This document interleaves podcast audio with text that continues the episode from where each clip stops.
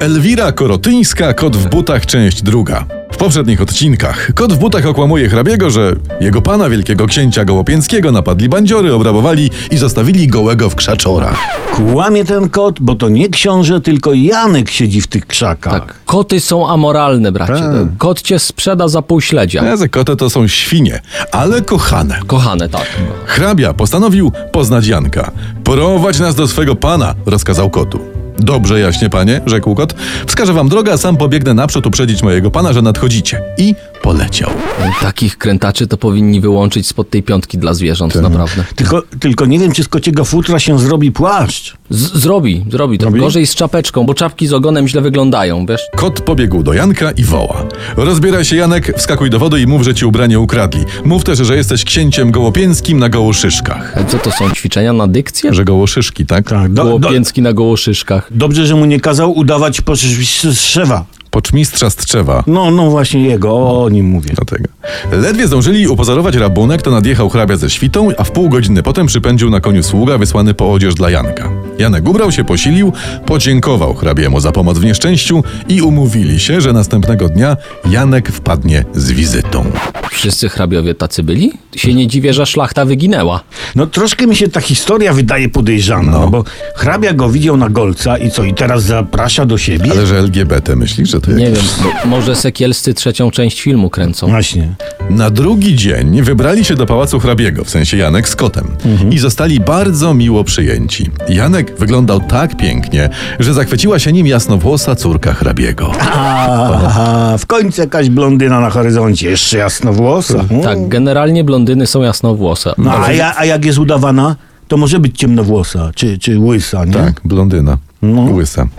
Janek mówił się, że następnego dnia hrabia z córką wpadną z kolei do niego z rewizytą. Przecież on nie ma zamku. Aha, posłuchaj dalej. Ale o kilka y, mil od miejsca akcji stał zamek wspaniały w prześlicznym parku i należał on do czarownika, wielkiego bogacza.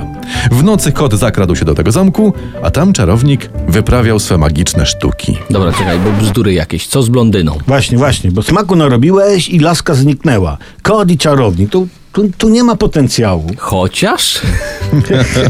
Nie przeszkadzam wam. Nie Nie, troszkę. no, no, mów, mów, mów, mów, co dalej. Co Kot dalej? zagląda do komnaty, a tam czarownik zmienia swą postać. Raz był psem, raz był wydrą, raz królikiem. Raz kotem Jarosław Kaczyński lubi to. I kot nie był kotem, bo kot to jest ten nasz od Janka, co przyszedł. I kot mówi: Ej, czarownik, a dlaczego nie zmieniasz się w myszkę? Nie potrafisz? Co ja nie potrafię? wykrzyknął czarownik. I patrz! No i kot patrzy, a w tej chwili po podłodze zaczęła biegać malutka myszka. I tę myszkę kot pożarł. I o tym mówię. Nie ufaj kotom w butach. Dobra, dobra, dawaj tę blondynę. Nazajutrz zjechał hrabia z piękną swą córką blondyną do zamku.